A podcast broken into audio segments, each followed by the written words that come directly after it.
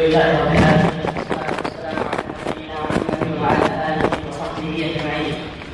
قال قال المؤلف رحمه الله تعالى ونرى الحج والجهاد مع ماضيا مع طاعه كل امام ماضيان ماضيان. ونرى الحج والجهاد ماضيين مع طاعه كل امام نعم. فرضا كان أو فاجرا وصلاة الجماعه وصلاة بسم الله الرحمن الرحيم. الحمد لله. صلى الله وسلم على نبينا محمد. وعلى آله وأصحابه. وبعد فمن أصول اعتقاد أهل السنة والجماعة وجوب الطاعة لولاة أمور المسلمين تحريم الخروج عليهم ومعصيتهم ومخالفتهم في غير معصية الله سبحانه وتعالى. لما في ذلك من اجتماع الكلمة واتحاد المسلمين وبقاء قوتهم ولما في الاختلاف من الضرر على المسلمين وتسلط العدو غير ذلك من المحاذير. ومن حقوق ولاة الأمور الصلاة خلفهم. ولو كانوا ولو كانوا فسقة.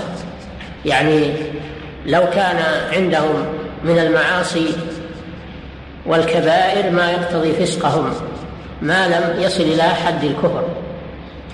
فما داموا لم يخرجوا عن الإسلام فإن ولايتهم باقية وطاعتهم واجبة ولا يمتنع من الصلاة خلفهم إلا مبتدع لأن النبي صلى الله عليه وسلم أمر باجتماع الكلمة وائتلاف الأمة تحت قيادة ولي أمرها ولو كان فاسقا في نفسه ما لم يصل إلى حد الكفر ولو كان ظالما وجائرا بأخذ المال وسفك الدماء فإن ذلك لا لا يجيز مخالفته والخروج عليه. قد صلى الصحابة رضي الله عنهم خلف الأمراء الذين عليهم كثير من الملاحظات كالوليد بن عقبة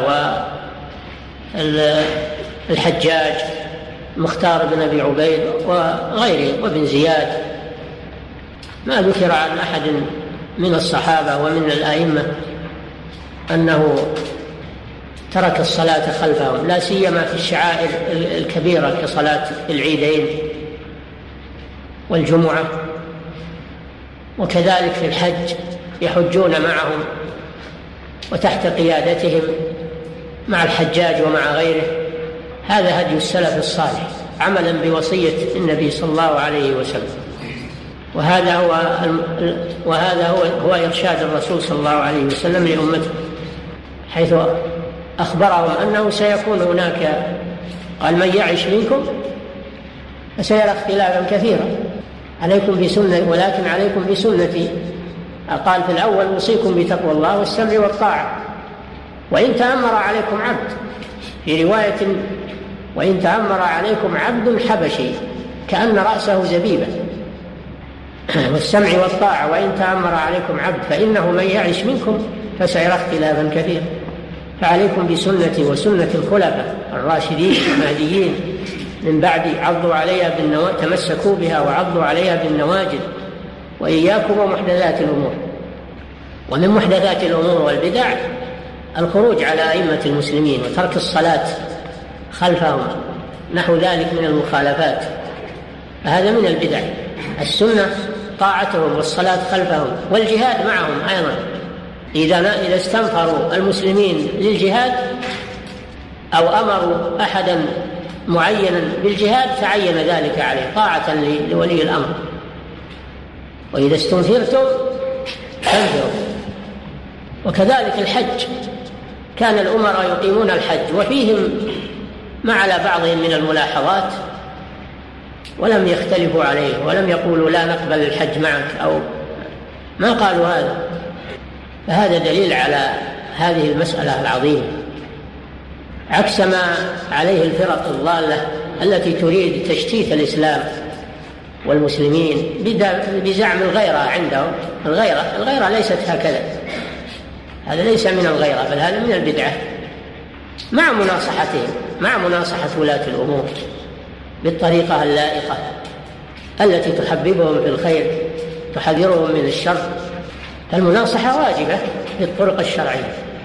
ما نقول إنهم يسكت عن أخطائهم وعن مخالفاتهم بل يناصحون بالطرق اللائقة التي كان السلف يناصحون بها ولاة الأمور من غير إظهار للإنكار عليهم. أو الحديث عنهم في المجالس أو غير ذلك فإن هذا ليس من هدي السلف وهذا لا يأتي بخير وإنما يزيد الشر شرا. لكن إذا وصلت النصيحة لهم بطريقة سرية تكون بينهم وبين الناصح فهذه هذا هو هدي السلف وهذا هو منهج السلف الصالح. فإن قبلوا فالحمد لله وإن لم يقبلوا برئت الذمة ومسؤوليتهم عليهم. مسؤوليتهم تكون عليهم. لكن المصلحة في طاعتهم والمصلحة في موافقتهم فيما وافقوا فيه الحق هذا يترتب عليه مصالح عظيمة. والإغضاء عن بعض أخطائهم وهفواتهم هذا من ارتكاب أخف المفسدتين لدفع أعلاهما. فإن الخروج عليهم ونزع يد الطاعة يلزم عليه من المضار وسفك الدماء وتفرق الكلمة والمنكرات أكثر مما عند الولاة من المنكرات الشخصية الخاصة بهم أكثر مما عندهم من المنكرات الخاصة بهم ولذلك تجنب السلف رحمهم الله منابلة الأئمة تجنبوا مخالفتهم صلوا خلفهم حجوا معهم جاهدوا معهم مع العلم بأنه بعد الخلفاء الراشدين وبعد معاوية رضي الله عنه جاء أمراء فيهم وفيهم فيهم خير وفيهم شر. وفيهم من جانب الشر فيه أكثر. ومع هذا كان المسلمون ملتفين حول أئمتهم هذا منهج أهل السنة والجماعة. وأما مذهب الفرق المخالفة فسيأتي ذكرها. نعم. ونرى الحج والجهاد ناظرين مع طاعة كل إمام. نعم. برا كان أو فاجرا. برا يعني عاملا بالبر وهو الطاعات المستقيم على طاعة الله. وهذا إذا توفر لا شك أن هذا أحسن وأتم. أو فاجرا وهو الفاسق. فجور المراد به الفسق هنا. ليس فجور الكفر. أما إذا كفر فإنه لا طاعة له. نعم. وصلاة الجمعة خلفه جائزة نعم. قال أنس رضي الله عنه قال النبي صلى الله عليه وسلم ثلاث من أصل صلاة الجمعة وصلاة العيد. هذا هذا كان السلف يصلون خلف أمرائهم وكان الأمراء يصلون بهم الجمعة والعيد ولا ذكر عن أحد منهم أنه تخلف عن الصلاة لفسق الأمير أو لظلمه ما تخلف منهم أحد. لأنهم إذا قاموا بطاعة الله فأطع الله معهم صل معهم هذه صلاة عبادة إذا أقاموها صل معهم. نعم. ولما في الصلاة معهم من جمع الكلمة. نعم. قال انس رضي الله عنه قال النبي صلى الله عليه وسلم ثلاث من أصل الإيمان الكف عن من قال لا إله إلا الله ولا يكف هذا هذا معلوم. من قال لا إله إلا الله وجب الكف عنه حتى يتبين له حتى يتبين منه ما يخالف هذه الكلمة من أنواع الرده فإذا ارتكب شيئا من أنواع الردة بعد ما قال لا إله إلا الله حكمنا بردته. حكمنا بردته. أما ما لم يظهر منه شيء فإنه مسلم. له ما للمسلمين وعليه مع المسلمين ولا نفتش عما في القلوب. القلوب أمرها إلى الله. قال صلى الله عليه وسلم فإذا قالوها عصموا مني دماءهم وأموالهم إلا بحقها وحسابهم على الله عز وجل. نعم فنحن ما لنا إلا الظاهر. نعم. ولا نكفره بدم ولا نخرجه من الإسلام بعمل. هذا الحديث يقولون ضعيف لكن بعضه موافق للأحاديث الصحيحة. أعده قال أنس رضي الله عنه قال النبي صلى الله عليه وسلم ثلاث من أصل الإيمان. الكف عن من قال لا إله إلا الله. نعم هذا من أصل الإيمان حتى يظهر منه ما يخالف هذه الكلمة. نعم. ولا نكفره بذنب ولا ولا نكفره بذنب ما لم يستحله. يعني ما كان دون الشرك من الذنوب ما كان دون الشرك من الذنوب فإننا لا نكفر به. ما لم يستحله كأكل الربا. إذا أكل الربا هذا ذنب عظيم وكبير من كبائر الذنوب. لكن إن قال إنه حلال فهذا كافر لأن الله حرم الربا وحرمه الرسول صلى الله عليه وسلم وأجمعت الأمة على تحريمه. أما إذا أكل الربا مع اعترافه بتحريمه فهذا فاسق. كذلك السارق والزاني شارب الخمر. بمجرد العمل لا نكفره لكن لو اعتقد أو قال إنه حلال حكمنا بكفر لأنه مكذب لله ولرسوله. نعم. ولا يخرجه من الإسلام بعمل. هذا المراد عمل يعني دون الشرك. نعم. والجهاد ماض منذ بعثني الله عز وجل حتى يقاتل آخر أمة الدجال. نعم وكذلك. هذه الجملة وهي أن الجهاد ماض حتى يقاتل آخر هذه الأمة. الدجال هذا تشهد له الأحاديث الصحيحة. نعم. لا يطيقه جو جاهل ولا عدل عابد والإيمان بالأقدار رواه أبو داود. الإيمان بالقدر هذا سبق أنه من أصول الإيمان في حديث جبريل. وأن تؤمن بالقدر خيره وشره. نعم. ومن السنة تولي أصحاب رسول الله صلى الله عليه وسلم ومحبتهم ومن أصول أهل السنة تولي أصحاب رسول الله صلى الله عليه وسلم ومحبتهم ومحبتهم مطلقة رضي الله عنهم لما خصهم الله به من الصحبة لرسول الله صلى الله عليه وسلم والسبق إلى الإسلام والجهاد مع رسول الله صلى الله عليه وسلم ولما فضلهم الله به من العلم والعمل. فهم خير القرون خير القرون بعد الأنبياء. وأفضل هذه الأمة بعد نبيها محمد صلى الله عليه وسلم. ويجب احترامهم. ولا يجوز الكلام في أحد منهم. ولا يجوز تصيد أخطائهم إن كان لبعضهم أخطاء. فلا نتصيدها ونظهرها للناس. ما لا يجوز هذا. لما لهم من الفضائل التي تغطي ما يقع ما قد يصدر من بعضهم من الخطأ. له من الفضائل ما يغطي ما يصدر منه من الخطأ. ويكفر ما عنده من الخطأ. ونحن مأمورون بمحبتهم وموالاتهم والثناء عليهم وترك تلمس الأخطاء لهم تنقص أحد منهم. قال الله تعالى فيهم للفقراء المهاجرين الذين يعني الفيء الذين أخرجوا من ديارهم وأموالهم يبتغون فضلا من الله ورضوانا وينصرون الله ورسوله. أولئك هم الصادقون. هذا في المهاجرين. الأنصار والذين تبوأوا الدار والإيمان من قبلهم يحبون من هاجر إليهم ولا يجدون في صدورهم حاجة مما أوتوا ويؤثرون على أنفسهم ولو كان بهم خصاصة. ومن يوق شح نفسه فأولئك هم المفلحون. قال تعالى محمد رسول الله والذين معه أشداء على الكفار رحماء بينهم تراهم ركعا سجدا سيماهم في وجوههم من أثر السجود. ذلك مثلهم في التوراة ومثلهم في الإنجيل كزرع أخرج شطأه فآزره فاستغلظ فاستوى على سوق يعجب الزراع ليغيظ بهم الكفار. وعد الله الذين آمنوا وعملوا الصالحات منهم مغفرة وأجرا عظيما. قال تعالى والسابقون الأولون من المهاجرين والأنصار والذين اتبعوهم بإحسان رضي الله عنهم ورضوا عنه وأعد لهم جنات تجري تحتها الأنهار خالدين فيها أبدا. ذلك هو الفوز العظيم. لقد تاب الله على النبي والمهاجرين والأنصار الذين اتبعوه في ساعة العسرة من بعد ما كاد يزيغ قلوب فريق منهم ثم تاب عليهم. إنه بهم رؤوف رحيم. والآيات في مدحهم والثناء عليهم كثير. وأما من السنة صح في الصحيحين عن النبي صلى الله عليه وسلم أنه قال لا تسبوا أصحابي.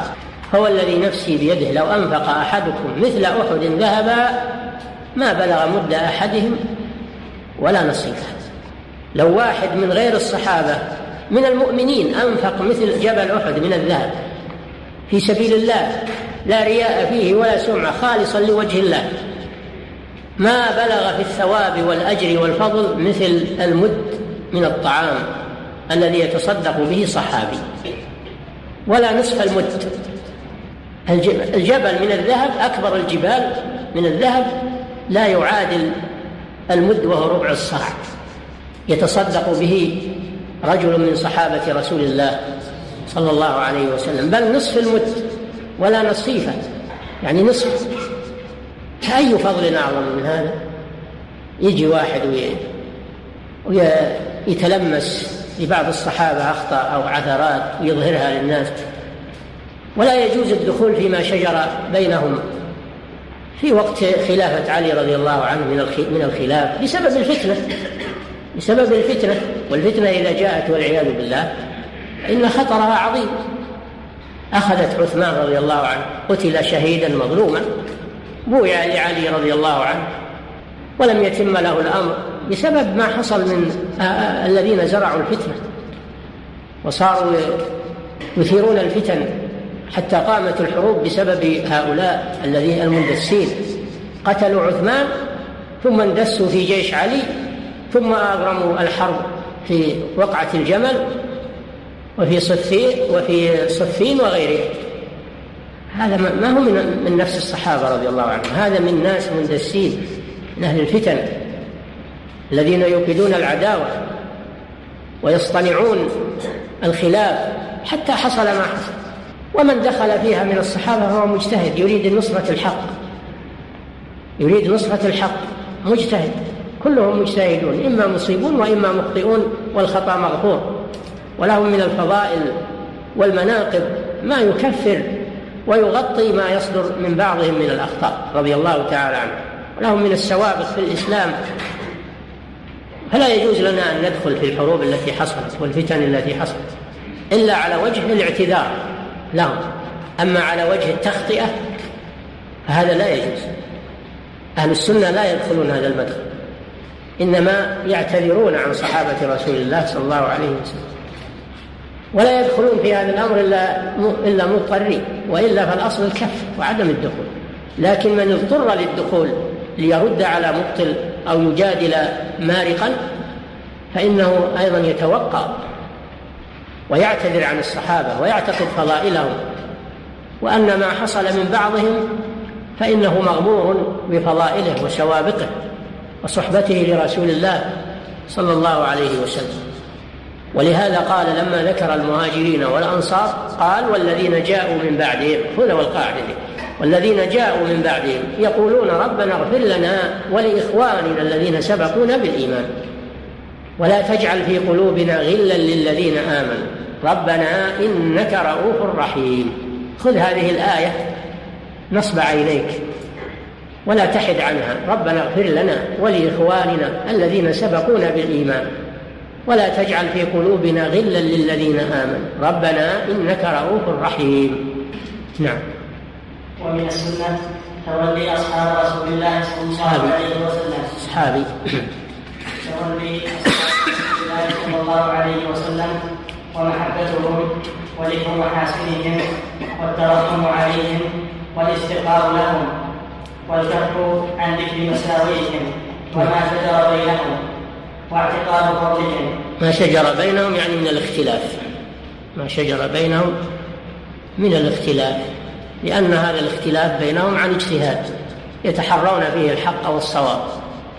فما كان من صواب فلهم فيه أجران وما لهم وما فيه من خطأ فهو مغفور. قوله صلى الله عليه وسلم إذا اجتهد الحاكم فأصاب فله أجران. وإن, وإن اجتهد فأخطأ فله أجر واحد. نعم. واعتقاد فضلهم ومعرفة سابقتهم. قال الله تعالى والذين اعتقاد فضلهم ومعرفة سابقتهم. لا يكفي أنك تتحدث عن فضلهم فقط أو تكتب عن فضلهم بل لا بد أن تعتقد هذا بقلبك. أما إن كتبت أو أو تكلمت مجرد كلام أو مجرد كتابة من غير اعتقاد لذلك بقلبك فهذا لا لا يكفي. نعم. قال الله تعالى والذين جاءوا من بعدهم يقولون ربنا اغفر لنا ولإخواننا الذين سبقونا بالإيمان ولا تجعل في قلوبنا غلا للذين آمنوا. وقال تعالى هذا موقف المؤمنين إلى أن تقوم الساعة. هذا موقف المؤمنين من صحابة نبيهم أنهم يستغفرون لهم. ويعترفون لهم بالسبق في الإسلام والإيمان ويسألون الله أن يزيل الغل وهو البغض أو الكراهية لأحد من صحابة رسول الله صلى الله عليه وسلم من قلوبهم. نعم. وقال الله تعالى محمد رسول الله والذين معه أشداء على الكفار رحماء بينهم. هذه صفتهم والذين معه يعني الصحابة. أشداء على الكفار أقوياء. على الكفار أقوياء. لا تأخذهم بالله لومة لائم. لأنهم أعداء الله ورسوله. فهم يبغضونهم. أشد البغض. ويتبرؤون منهم. ويجاهدونهم في الله عز وجل. أشداء على الكفار. رحماء بينهم. أما فيما بينهم فالرحمة. بعضهم لبعض. كالجسد الواحد. وكالبنيان يشد بعضه بعضا كما شبههم رسول الله صلى الله عليه وسلم. نعم.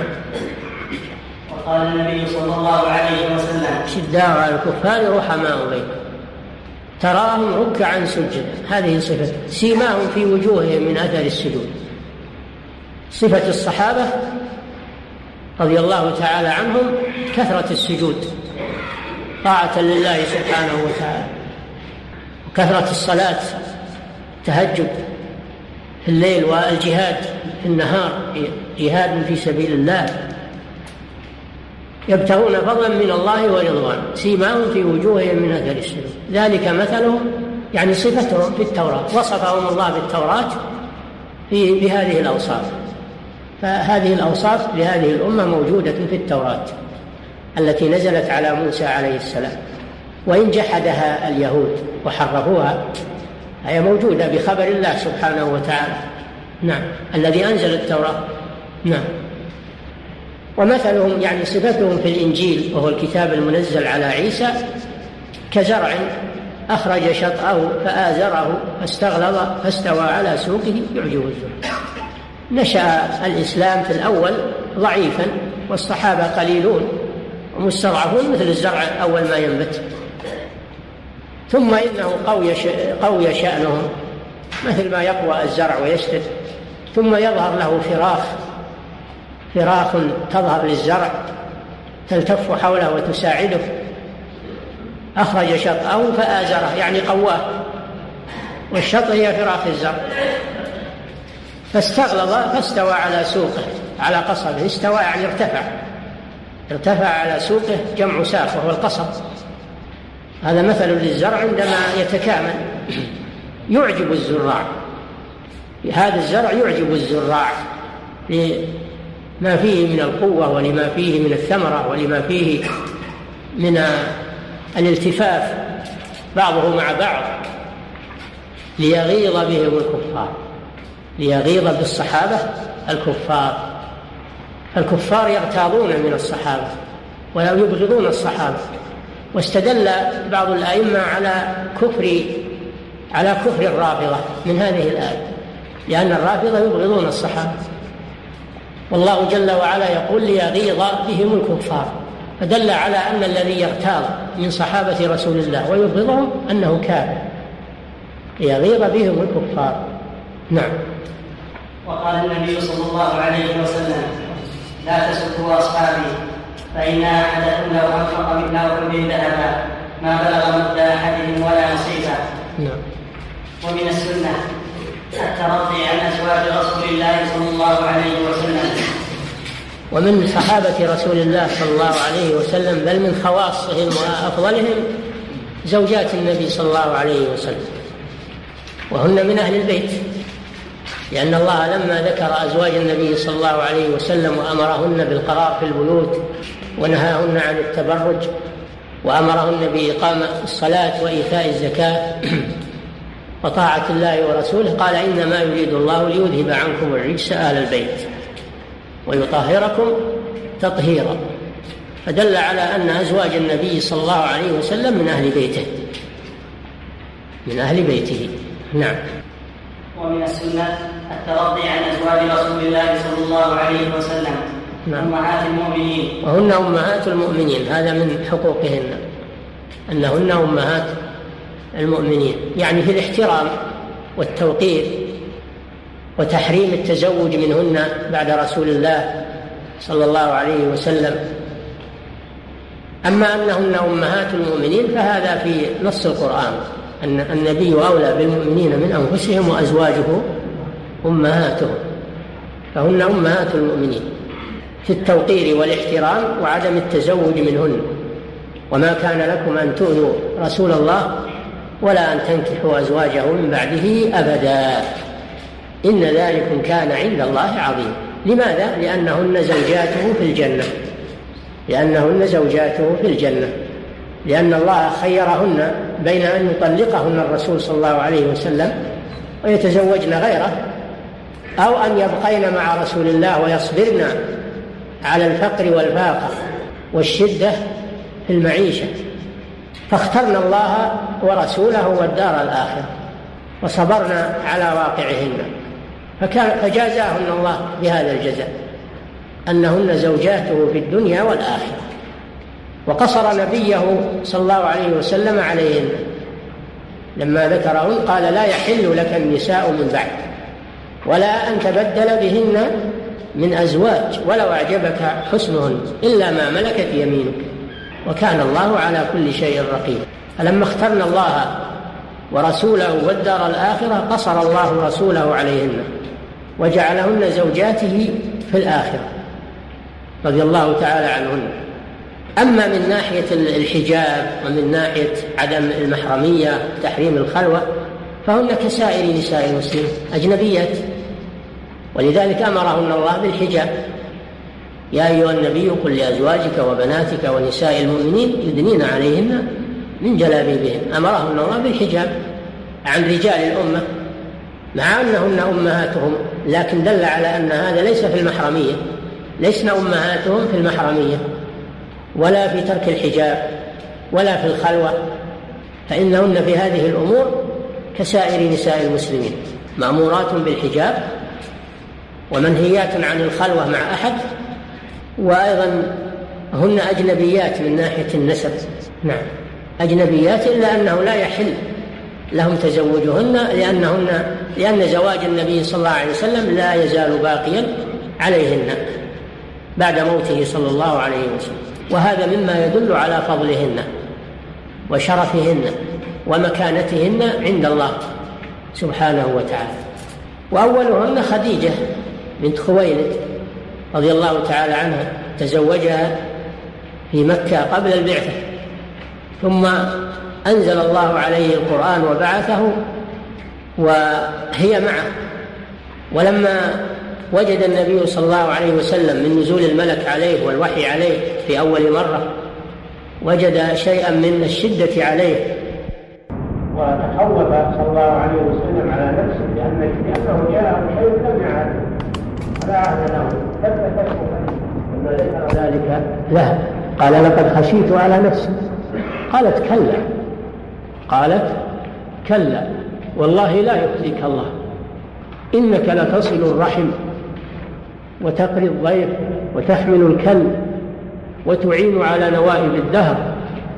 فما زالت توطنه حتى هدأت من روعه صلى الله عليه وسلم. ثم وقفت معه. للنصرة والتأييد في حياتها رضي الله عنها في مكة وقت شدة أذى الكفار وهي إلى جنب الرسول صلى الله عليه وسلم. وكان صلى الله عليه وسلم يحبها حبا شديدا ولم يتزوج عليها في حياتها غيرها. وأولاده كلهم منها أولاده بنين وبنات كلهم من خديجة إلا إبراهيم فإنه من مارية القبطية التي تسراها رسول الله صلى الله عليه وسلم. وكان صلى الله عليه وسلم يثني عليها بعد موته وكان يكرم صديقاتها بعد وفاتها ويذكرها بالخير بعد وفاتها حتى إن بعض أزواج النبي صلى الله عليه وسلم أصابتهن غيرة من ذكره صلى الله عليه وسلم لخديجة. والثانية سودة بنت زمعة تزوجها رسول الله صلى الله عليه وسلم بعد خديجة في مكة أيضا. وبقيت في عصمة النبي صلى الله عليه وسلم. ولما أراد صلى الله عليه وسلم أن يطلقها قالت لا أنا أسقط عنك حقي وأهبه لعائشة وأبقى في في في زواجي لك. ما تريد بذلك شرف شرف أمهات المؤمنين. فلم يطلقها صلى الله عليه وسلم. وماتت قبله. أو نعم ومات قبلها مات قبلها. بقيت في عصمته صلى الله عليه وسلم. والثالثة زينب بنت خزيمة الهلالية. تزوجها ولم تلبث معه إلا قليلا وتوفيت. فتوفي من نسائه وهو حي اثنتان خديجة وزينب بنت خزيمة الهلالية. توفين قبله. رضي الله تعالى عنهن.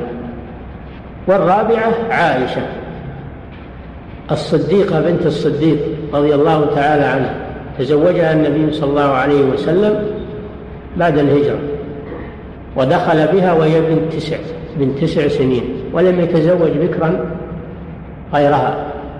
وحصل لها من الفضائل مع النبي صلى الله عليه وسلم ما لم يحصل لغيره. من أن الوحي كان ينزل على فراشها. وكان النبي صلى الله عليه وسلم يحبها حبا شديدا فهي أحب النساء إليه وأبوها هو أحب الرجال إليه صلى الله عليه وسلم. وتوفي صلى ولما مرض صلى الله عليه وسلم استأذن زوجاته في أن يمرض في بيت عائشة فأذن له وتوفي صلى الله عليه وسلم ورأسه في حجر عائشة رضي الله تعالى عنها. توفي ورأسه في حجر عائشة رضي الله تعالى عنها. وروت عن النبي صلى الله عليه وسلم من الأحاديث والأحكام الشرعية شيء كثير فكانت فقيهة النساء وكانت تعد من المفتين من صحابة رسول الله صلى الله عليه وسلم التي يرجع إليها الصحابة. في الرواية ويرجعون إليها أيضا في الفتوى. واختلف العلماء أيهما أفضل خديجة أم عائشة؟ والصواب أن لكل واحدة منهن فضائل ليست عند الأخرى وأنهن لا, لا يظهر التفضيل بينهن لأن لكل واحدة فضائل تعادل فضائل الأخرى. فهذه لها فضل السبق.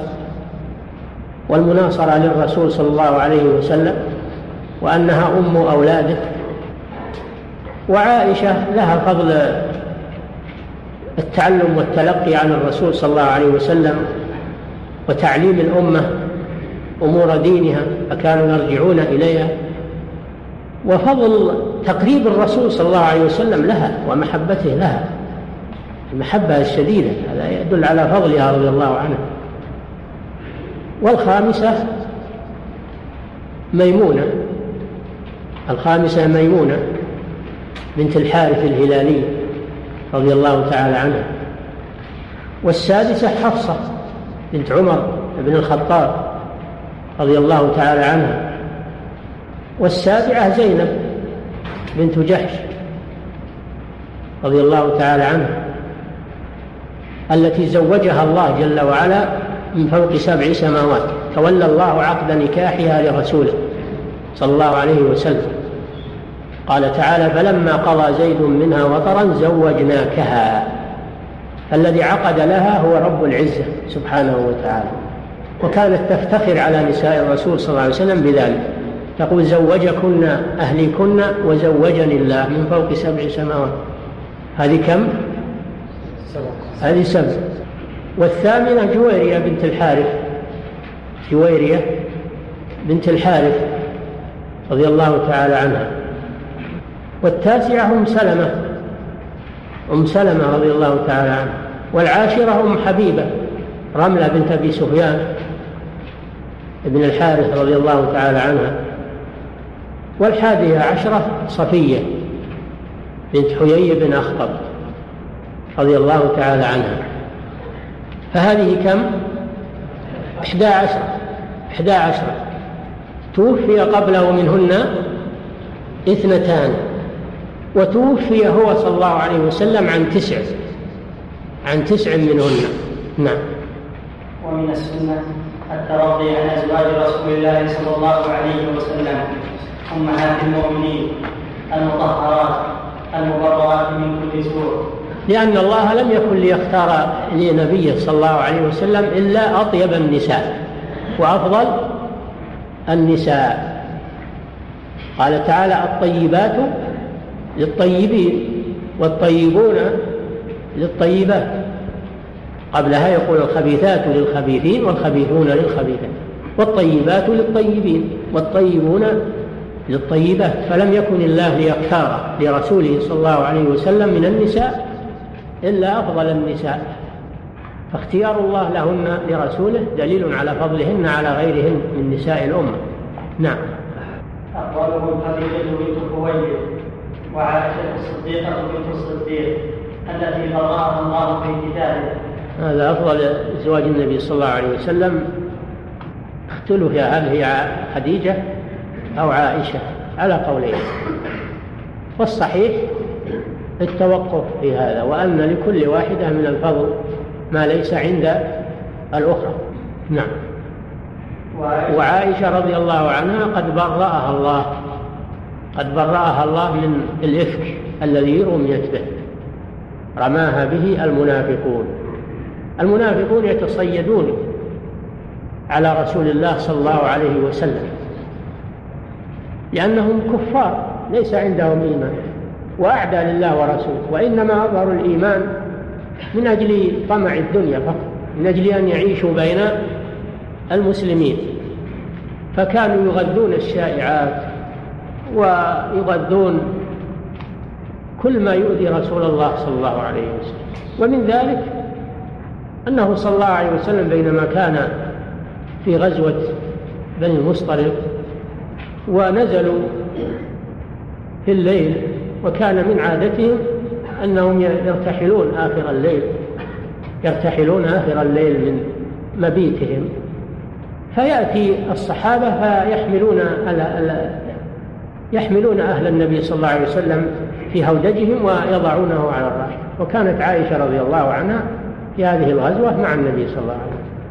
إلا أنها صادف أنها قبل قبيل تحرك الجيش وقبل التجهيز ذهبت لقضاء حاجتها ذهبت لقضاء حاجتها ولما رجعت وجدت أن الناس قد رحلوا لأن الذين يجهزون راحلتها يظنون في الهودج كانت خفيفة خفيفة المحمل فظنوا أنها في الهودج فحملوه على الراحلة وساروا جاءت عائشة وقد ذهب الجيش وهي في الليل ماذا تعمل؟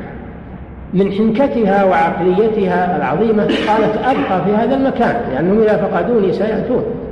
ولأن المكان مكان مهلكة لو ذهبت فإنها يخشى أن تضيع وتهلك. امرأة أيضا ما تدري الطريق فمن حنكتها أن بقيت في المكان.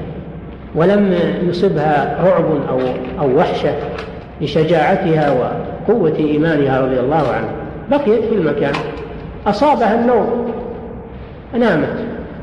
وكان صفوان بن المعطل رضي الله عنه من عادته أنه يتأخر عن الجيش لأنه كثير النوم ويتأخر عن الجيش ثم يقوم ويلحق بالجيش فقام وركب راحلته فلما أقبل على منزل الرسول صلى الله عليه وسلم رأى فيه سوادا فجاء يستبرح ما هو فلما قرب منها استيقظت.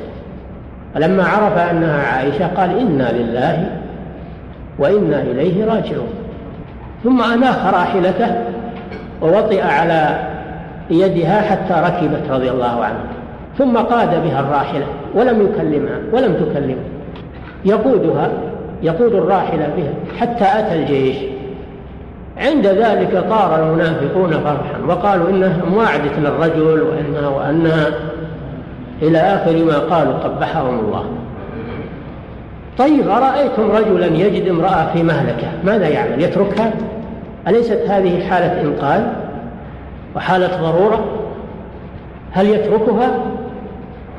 يعني لو من سائر النساء ما يترك حتى ولو كانت من الكفار ما يتركها. لأن هذا إنقاذ نفس. فكيف بزوجة النبي صلى الله عليه وسلم؟ فعمله هذا استنقاذ لها من الهلاك وإسعاف لها. لا يلام عليه بل يمدح عليه رضي الله عنه. وهو من صحابة رسول الله صلى الله عليه وسلم. أشاع المنافقون ما أشاع وأثروا على بعض المسلمين فصاروا ينقلون هذا الحديث لأنهم تأثروا بهذه الكلمة. فاشتد الأمر على رسول الله صلى الله عليه وسلم والذي تولى كبره عبد الله بن أبي بن سلول رأس المنافق اشتد الأمر على رسول الله صلى الله عليه وسلم. واشتد الأمر على عائشة وبيت أبي بكر وعلى أبي بكر. اشتد الأمر بالصحابة كلهم رضي الله عنهم. حتى أنزل الله براءتها من فوق سبع سماوات. إن الذين جاءوا بالإفك عصبة منكم. لا تحسبوه شرا لكم. بل هو خير لكم. لكل امرئ منهم ما اكتسب من الإفك. والذي تولى كبره منهم له عذاب عظيم. لولا إذ سمعتموه ظن المؤمنون والمؤمنات بأنفسهم خيرا. وقالوا هذا إفك مبين إفك يعني كذب. ما حد يصدق إن زوجة الرسول وفراش الرسول صلى الله عليه وسلم أنه يدخله شيء من الشك. فراش الرسول صلى الله عليه وسلم لا يدخله الشك ومن شك فإنه كافر لم يكن الله ليختار لنبيه صلى الله عليه وسلم إلا أزكى النساء وأطيب النساء. ولهذا سبحانك هذا تنزيه لله عز وجل. سبحانك هذا تنزيه لله أن يختار لنبيه امرأة على هذه الصفة التي يقولها المنافقون. فهذا عيب لله سبحانه. ظن المؤمنون والمؤمنات بأنفسهم خيرا وقالوا سبحانك هذا بهتان عظيم. لا يمكن أن يصدق أبدا. اللي فيه إيمان ما يمكن يصدق أبدا. لولا جاءوا عليه بأربعة شهداء اللي يقذف المرأة إما أن يأتي بأربعة شهداء وإما أن يحد. يجلد ثمانين جلدة وتسقط عدالته ولا تقبل له شهادة. ويحكم عليه بالفسق. إن الذين يرمون المحصنات الغافلات إن, إن الذين يرمون والذين يرمون المحصنات ثم لم يأتوا بأربعة شهداء فاجلدوهم ثمانين جلدة ولا تقبلوا لهم شهادة أبدا. وأولئك هم الفاسقون إلا الذين تابوا هذا في سائر المؤمنات فكيف بنساء؟ النبي صلى الله عليه وسلم لولا إن سمعتموه ظن المؤمنون والمؤمنات بأنفسهم خير. ما قال ظنوا بعائشة خير؟ ظنوا بأنفسهم لأن عائشة من أعز أنفسهم من أعز أنفسهم. ظن المؤمنون والمؤمنات بأنفسهم خيرا وقالوا هذا إفك مبين. لولا جاءوا عليه بأربعة شهداء فإن لم يأتوا بالشهداء فأولئك عند الله هم الكاذبون. ولولا فضل الله عليكم ورحمته في الدنيا والآخرة لمسكم فيما أفضتم فيه عذاب عظيم. هذا توبيخ للذين اندرج عليهم هذا الكلام من المسلمين. توبيخ لهم. إذ تلقونه بألسنتكم وتقولون بأفواهكم ما ليس لكم به علم وتحسبونه هينا وهو عند الله عظيم. ولولا إن سمعتموه قلتم ما يكون لنا أن نتكلم بهذا. سبحانك شوف أعاد التنزيه لله عز وجل. هذا بهتان عظيم. يعظكم الله أن تعودوا لمثله أبدا إن كنتم مؤمنين. يعظكم الله أن تعودوا لمثله أبدا إن كنتم مؤمنين. نعم. ويبين الله لكم الآيات. والله عليم حكيم. ويبين الله لكم. يعظكم الله أن تعودوا لمثله أبدا إن كنتم مؤمنين. ويبين الله لكم الآيات. نعم. والله عليم حكيم. إن الذين يحبون أن تشيع الفاحشة بالذين آمنوا لهم عذاب أليم في الدنيا والآخرة. والله يعلم وأنتم لا تعلمون. ولولا فضل الله عليكم ورحمته. شوف يكرر سبحانه. هذا هذا الفضل وهذا الرحمة. ولولا فضل الله عليكم ورحمته وأن الله رؤوف رحيم. ثم مضى في السياق وذكر حكم الذين يرمون المحصنات الغافلات المؤمنات وما أعد الله لهم من العذاب في الآخرة. ثم قال الخبيثات للخبيثين هذا دليل على براءة عائشة لأن الله لم يكن ليختار خبيثة لرسوله صلى الله عليه وسلم. الخبيثات للخبيثين والخبيثون للخبيثات والطيبات للطيبين والطيبون للطيبات الطيب رسول الله صلى الله عليه وسلم والطيبة عائشة رضي الله عنها. أولئك مبرؤون مما يقولون. لهم مغفرة ورزق كريم. برأ الله عائشة رضي الله عنها مما قاله أهل الإفك وأهل النفاق. فهذا موقف المسلمين مما رميت به أمهم وأفضل أزواج النبي صلى الله عليه وسلم عائشة الصديقة بنت الصديق ومن لم يعتقد براءتها فهو كافر لأنه مكذب لله ولرسوله صلى الله عليه وسلم ولإجماع المسلمين. نعم. أخبرهم خديجة بنت خويلد وعائشة الصديقة بنت الصديق التي براها الله في كتابه. كما سمعتم في الآيات. هي لما اشتد بها الأمر رضي الله عنها تقول ما كنت أتوقع أن الله سينزل في قرآنا يتلى. ولكن كنت أتوقع أن يأتي رؤيا لرسول الله صلى الله عليه وسلم يبرئني الله, يبرئني الله بها. لكن أنزل الله على القرآن العظيم الذي يتلى إلى يوم القيامة في فضلها وبراءتها رضي الله عنها نعم. زوج النبي صلى الله عليه وسلم في الدنيا والآخرة. نعم. فمن قذفها بما براه الله منه فقد كفر بالله العظيم. كما تفعله الرافضة قبحهم الله. فإنهم يثيرون لأنهم منافقون ليسوا مسلمين. يظهرون الإسلام وهم منافقون في الدرك الأسفل من النار. فهم يثيرون هذه الإشاعة في كتبهم وفيما بينهم. نعم. ومعاوية رضي الله عنه خال المؤمنين. معاوية بن أبي سفيان رضي الله عنه هو له فضائل منها أنه خال المؤمنين لأن أخته لأن أخته آه، أم حبيبة رملة بنت أبي سفيان مع النبي صلى الله عليه وسلم. فهي من أمهات المؤمنين وهو أخوها فيكون خالا للمؤمنين في الفضل يعني لا في النسب. خال لهم في الفضل لا في النسب. ومن فضائله رضي الله عنه أن النبي صلى الله عليه وسلم اتخذه كاتبا للوحي فكان من جملة كتاب الوحي بين يدي رسول الله صلى الله عليه وسلم. ولا يختار الله لكتابة الوحي لرسوله إلا الأمين.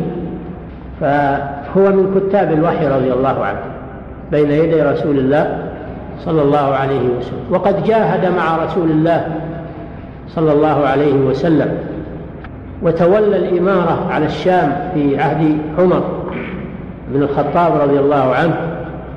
ولما حصلت الفتنة في وقت علي في خلافة علي رضي الله عنه وقتل علي رضي الله عنه وبويع للحسن بن علي من بعد أبيه ورأى الحسن أن الأمر لا يتم له.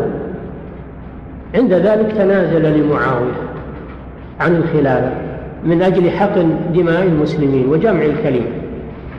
وهذا ذكره النبي صلى الله عليه وسلم في خبر من المعجزات حين قال صلى الله عليه وسلم الحسن رضي الله عنه إن ابني هذا سيد. وسيصلح الله به بين طائفتين عظيمتين من المسلمين. فكان في تنازله رضي الله عنه لمعاوية مصالح عظيمة للمسلمين. فاجتمعت الكلمة على معاوية وساس الناس بالحكمة والسياسة الشرعية وساسهم بالعدل رضي الله تعالى عنه والعقل والحكمة والرفق بالمسلمين وصار في حلوق في حلوق الفرق الضالة.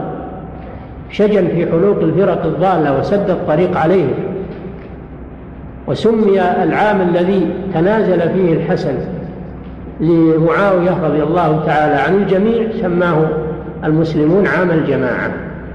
عام الجماعة يعني انعقدت فيه الجماعة توحدت فيه الكلمة وذلك لفضل الحسن رضي الله تعالى عنه. آثر مصلحة المسلمين وجمع كلمة المسلمين على مصلحته هو. تحقق فيه قول الرسول وسيصلح الله به بين طائفتين عظيمتين من المسلمين. نعم.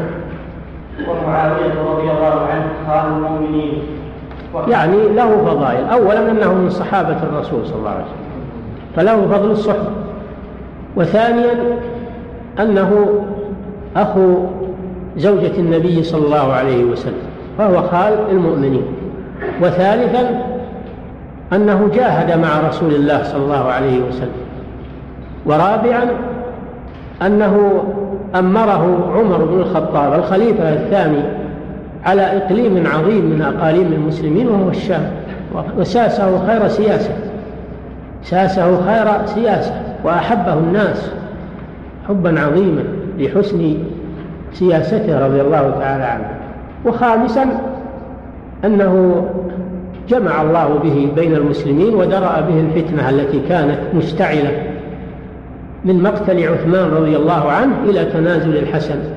كانت الفتن مشتعلة بين المسلمين. نعم. قال المؤمنين وكاتب وحي الله أحد خلفاء نعم ومن فضائلها أنه من كتاب الوحي ولم يكن الله ليختار لكتابة الوحي لرسوله إلا الأمين. نعم. أحد خلفاء المسلمين رضي الله عنهم. نعم.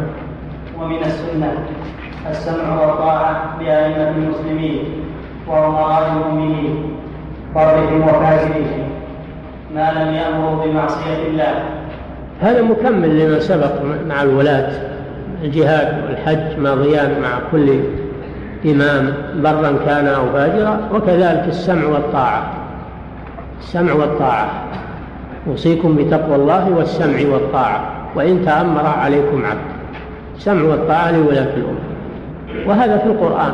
يا أيها الذين آمنوا أطيعوا الله وأطيعوا الرسول وأولي الأمر وأولي الأمر منكم. السمع والطاعة لولاة أمور المسلمين هذا مذهب أهل السنة والجماعة. وعدم السمع والطاعة هذا مذهب المبتدعة. نعم. ما لم يأمروا لم بمعصية الله. ما لم يأمروا بمعصية الله من فعل محرم أو ترك واجب. فإذا أمروا بمعصية لا يطاعون في تلك المعصية وتبقى طاعتهم فيما عداها ما هم معناه أنه إذا أمروا بمعصية تنحل ولايتهم؟ لا أو يجوز الخروج عليه. لكن نتجنب المعصية التي أمرونا بها ونلزم الطاعة فيما عداها من الأمور التي ليس فيها معصية. نعم. فإنه لا طاعة لأحد في معصية الله. كائنا من كان لا طاعة لمخلوق في معصية الخالق سبحانه وتعالى. لكن ليس معنى ذلك أنهم إذا أمروا بمعصية دون الشرك أننا نخلع أيدينا من طاعته. بل نتجنب المعصية ونلزم الطاعة. نعم. ومن ولي الخلافة واجتمع عليه الناس ورضوا به أو غلبهم بسيفه حتى صار خليفة. وسمي أمير المؤمنين وجب طاعته وحرمت مخالفته والخروج عليه وشق عصا المسلمين. نعم هذا سبق أيضا أن أن الخلافة أو الولاية أو الإمامة في الإسلام تنعقد بأحد ثلاثة أمور. سبق الكلام عن هذا. الأول اختيار أهل الحل والعقد له كما حصل في أبي بكر رضي الله تعالى عنه. فإن بيعته تمت بالإجماع بإجماع أهل الحل والعقد. ثانيا العهد إذا عهد ولي الأمر إلى أحد من بعده فإنه يلزم طاعته في ذلك كما عهد أبو بكر إلى عمر. الثالث إذا تغلب على المسلمين بسيفه وأخضعهم لطاعته كما حصل من معاوية رضي كما حصل لعبد الملك عبد الملك بن مروان. لعبد الملك بن مروان. وغيره من ملوك المسلمين الذين يخضعون الناس بالسيف حتى ينقادوا لهم فيلزم طاعتهم في ذلك لأجل جمع الكلمة وتجنيب المسلمين من سفك الدماء واختلاف الكلمة. بهذه الأمور الثلاثة تنعقد الولاية لولي الأمر. نعم. الله تعالى أعلم وصلى الله وسلم على نبينا محمد. نعم. فضيلة الشيخ وفقكم الله. هل الصلاة خلف الفسقة خاص بولاة الأمر أم يجوز الصلاة خلف الفاسق وإن لم يكن وليا للأمر؟ أما ولي الأمر فهذا بالإجماع كما سمعت وهو مذهب أهل السنة والجماعة. وأما غير ولي الأمر فهذا موضع خلاف. قيل لا تصح الصلاة خلف الفاسق. وهذا المذهب مذهب الحنابلة على هذا كما في متن الزاد. والقول الثاني أنها تصح خلف كل مسلم. كل من صحت صلاته صحت إمامته. ولعل هذا هو الراجح إن شاء الله. نعم. فضيلة الشيخ وفقكم الله. نحن نعيش في دولة خارج هذه البلاد انتشرت فيها الصوفية وتجد مساندة من الحاكم ووسائل الإعلام وأئمة المساجد. ولذلك انتشر الشرك في الناس من الغلو في الأولياء والطواف والقبور وعوام الناس منقطعون بأن ما يفعلونه هو سنة النبي صلى الله عليه وسلم. وهناك عدد قليل من دعاة الحق لكن إمكاناتهم محدودة وهم محاربون فضيلة الشيخ والحال كذلك. طلاب العلم هناك مختلفون. هل مثل هؤلاء الجهلة يعذرون بالجهل أم لا؟ وما هو الذي يترتب على تكفيرهم؟ أرجو بيان فضيلتكم. أما الجهل فلا يعذرون لأن لأنهم ليسوا جهلاء. سمعوا يسمعون القرآن والسنة ويسمعون التحذير. فهم ليسوا جهلاء بلغتهم الحجة. ومن بلغته الحجة فلا عذر له. ربما أنه الواحد منهم يحفظ القرآن عن ظهر قلب ويتلوه بالتجويد والترتيب. هل بعد بعد هذا بلوغ حجة؟ بلغ القرآن. وأوحي إلي هذا القرآن لأنذركم به ومن ومن بلغ. فهؤلاء ليس لا يعذرون بالجهل لأنهم معاندون. وباقون على ما هم عليه من باب العناد مع وضوح الحجة عليه. وأما دوركم أنتم فتقومون بما تستطيعون من الدعوة إلى الله والتحذير من الشرك بالحكمة والموعظة الحسنة والجدال بالتي هي أحسن. قال صلى الله عليه وسلم من رأى منكم منكرا فليغيره بيده. وهذا للسلطان فمن لم يستطع فبلسانه. وهذا لكل من ليس له سلطة يبين للناس بالكتابة بالخطابة بالمحاضرات بالدروس بإهداء الكتب بمجادلة من عنده شبهات ومناظرة من عنده شبهات حتى يتبين الحق. هذا الواجب عليكم. إنك لا تهدي من أحببت ولكن الله يهدي من يشاء. فالقلوب لا يملك هدايتها إلا الله. أما أنتم عليكم هداية البيان والإرشاد. نعم فضيلة الشيخ وفقكم الله من ارتكب محرما مستحلا له نكفره دون تفريق بين الصغيرة والكبيرة أم لا؟ وهل وهل هناك فرق بين المتأول وبين من يعلم الحرمة؟ هذا مقيد بالمجمع على تحريمه المجمع على تحريمه بين المسلمين كالخمر والسرقة والزنا وأكل الربا من استحل شيئا مما أجمع عليه بين المسلمين إنه يكون كافر. أما المسائل الخلافية التي فيها اختلاف بعض العلماء يقول حرام وبعضهم يقول ليست حراما نظرا لتجاذب الأدلة هذا لا يكفر من خالف فيها. لكن إن ترجح الدليل على خلاف ما هو عليه فإنه يخطأ أو يضلل. لكن لا يحكم بكفره نظرا لوجود الخلاف في المسألة. نعم. فلعله أخذ بالقول الثاني ظانا أنه هو الصحيح. نعم. فضيلة الشيخ وفقكم الله. ولا نكفر أحدا بذنب ما لم يستحله. وردت هذه الجملة في في عدة كتب من كتب الاعتقاد الطحاوية والجمعة وغيرها. نعم. ويستدل بها المرجئة على أنه لا يكون الكفر بالعمل وإنما يكون بالاعتقاد فقط. فأرجو بيان الفهم الصحيح لها. عمل دون الشرك.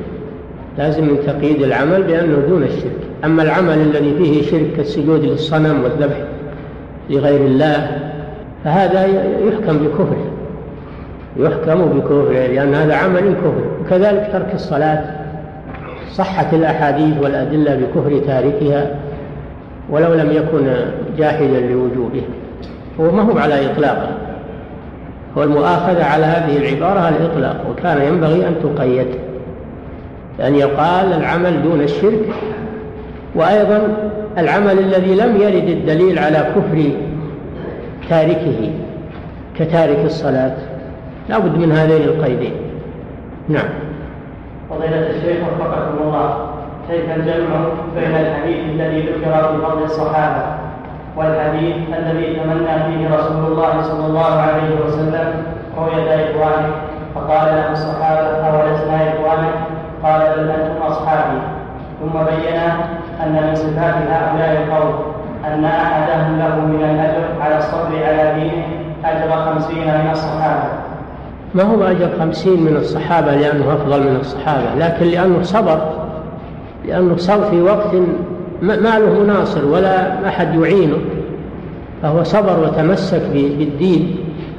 فهو من هذه الناحية أفضل لكن عند الصحابة نواح كثيرة أفضل منهم والفضيلة الخاصة لا تقضي على الفضائل العامة فلا منافاة بين هذا وبين آه، أن الصحابة هم أفضل الأمة. لا منافاة. الصحابة هم أفضل الأمة على الإطلاق. وكون بعض المتأخرين يحصل على فضيلة يختص بها لا تقتضي أنه أفضل من الصحابة. لأنه عنده فضيلة واحدة وهم عندهم فضائل تغطي عين الشمس. نعم. فضيلة الشيخ وفقكم الله هل يعتبر هدي النبي صلى الله عليه وسلم في زواجه من التشريع؟ أم هو من خصائصه؟ نعم. هل يعتبر هدي النبي صلى الله عليه وسلم في زواجه من التشريع؟ أم هو من خصائصه وذلك مثل الزواج بالكبيرة أو الزواج بالصغيرة فكثيرا ما نأمر في الصحف وغيرها التحذير من تفاوت العمر بين الزوجين. أرجو بيان فضيلتكم. هذه من جملة الدسائس التي يريدون بها محاربة الزواج وإطلاق العنان للناس مثل ما هو في بلاد الكفر بالمخادنة والمصاحبة وغير ذلك من أمور الخنا هذا الذي يريدون أما الزواج في الإسلام فإنه عقد شريف سواء كان من كبير على صغيرة أو العكس أو من صغيرة أو من كبير أو من كبيرة على صغير.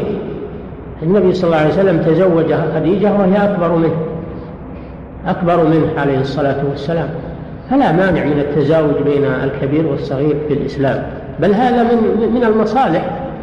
المصالح العظيمة فهذه مما يشنشن بها إما أعداء الإسلام وإما المنخدعون بدعايات المضللين فلا يلتفت إليه. الزواج في الإسلام ولله الحمد يكون بين الصغيرة والكبير والعكس ويكون بين الغنية والفقير ويكون بين المتعلمة وغير المتعلم. هذا أمر مطلوب والإعفاف والإحصان وحصول الزواج والذرية وكل هذه أمور ومصالح عظيمة فلا يلتفت إلى شنشنة هؤلاء. يقولون لا يتزوج الكبير من الصغيرة وهذا خاص بالرسول من اللي قال أن هذا خاص بالرسول صلى الله عليه وسلم؟ لكن لما عجزوا عن الإجابة عن هذا الحديث قالوا هذا خاص بالرسول علشان يسلمون منه مع أنه قاصم لظهوره يقولون لا يتزوج الإنسان بأكثر من واحد لأن هذا يسبب مشاكل ويسبب وينفرون من الزواج تعدد الزوجات. وقد أباحه الله فانكحوا ما طاب لكم من النساء مثنى وثلاثة ورباع والرسول عدد ولكن الخاص به صلى الله عليه وسلم هو الزواج بأكثر من أربع هذا هو الخاص به صلى الله عليه وسلم. أما الأمة فقصرت على أربع. يقولون لا يتزوج القريب من القريبة لأن هذا يسبب الآفات وتشويه الجنين وإلى آخره. يعني يريدون يقللون من الزواج مهما مهما أمكن. ثم في النهاية يقولون ما هو بلازم الزواج. ما هو بلازم الزواج؟ العلاقة تكون بين الذكر والأنثى بالحرية مثل البهائم. هذا مقصود. وقد ينخدع بهم بعض المسلمين الذين لا يدركون غور الأمور فينخدعون ببعض هذه الدعايات ويروجونها أما من وافقهم على هذا فهو كافر. نعم. فضيلة الشيخ وفقكم الله المارية رضي الله عنها تعد من زوجات النبي صلى الله عليه وسلم. مارية ما هي من الزوجات وإنما هي سرية مملوكة. وطيها النبي صلى الله عليه وسلم بملك اليمين. نعم. فضيلة الشيخ وفقكم الله ذكرتم حفظكم الله أن أزواج النبي صلى الله عليه وسلم هم زوجاته يوم القيامة أي في الجنة وسؤالي هو هل زوجات المؤمنين من هذه الأمة يعتبرن عنها في الدنيا مات عنها عدة أزواج في الدنيا تخير بين أحسنهم تختار أحسنهم خلقا. لكن هذا لم يثبت عن النبي صلى الله عليه وسلم. الله أعلم. نعم. فضيلة الشيخ وفقكم الله. من المخاطب ولذلك المرأة تتزوج بعد زوجها. المرأة تتزوج بعد. ولو كان عقده باق عليها وأن زوجته في الجنة ما عقد عليها أحد. نعم. فضيلة الشيخ وفقكم الله. من المخاطب في حديث النبي صلى الله عليه وسلم. لا تسبوا أصحاب لا تسبوا أصحابي. المخاطب هو خالد بن الوليد رضي الله عنه. يعني السبب. السبب في هذا الحديث. وإلا الخطاب عام. لكن السبب في هذا الحديث أن خالدا رضي الله عنه حصل بينه وبين عبد الرحمن بن عوف شيء من المنازعة فكأن خالدا رضي الله عنه تكلم في حق عبد الرحمن بن عوف وهو من السابقين الأولين رضي الله عنه. فعند ذلك قال النبي صلى الله عليه وسلم لا تسبوا أصحابي. نعم.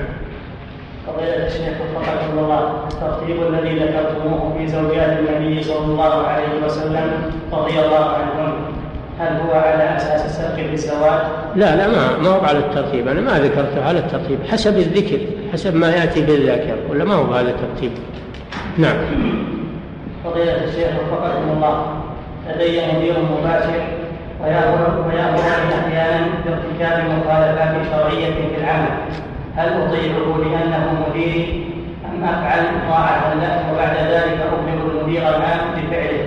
وكيف أتصرف معه والحال كذلك؟ اللي فيه معصية لله أو فيه ظلم لأحد لا تطعه فيه.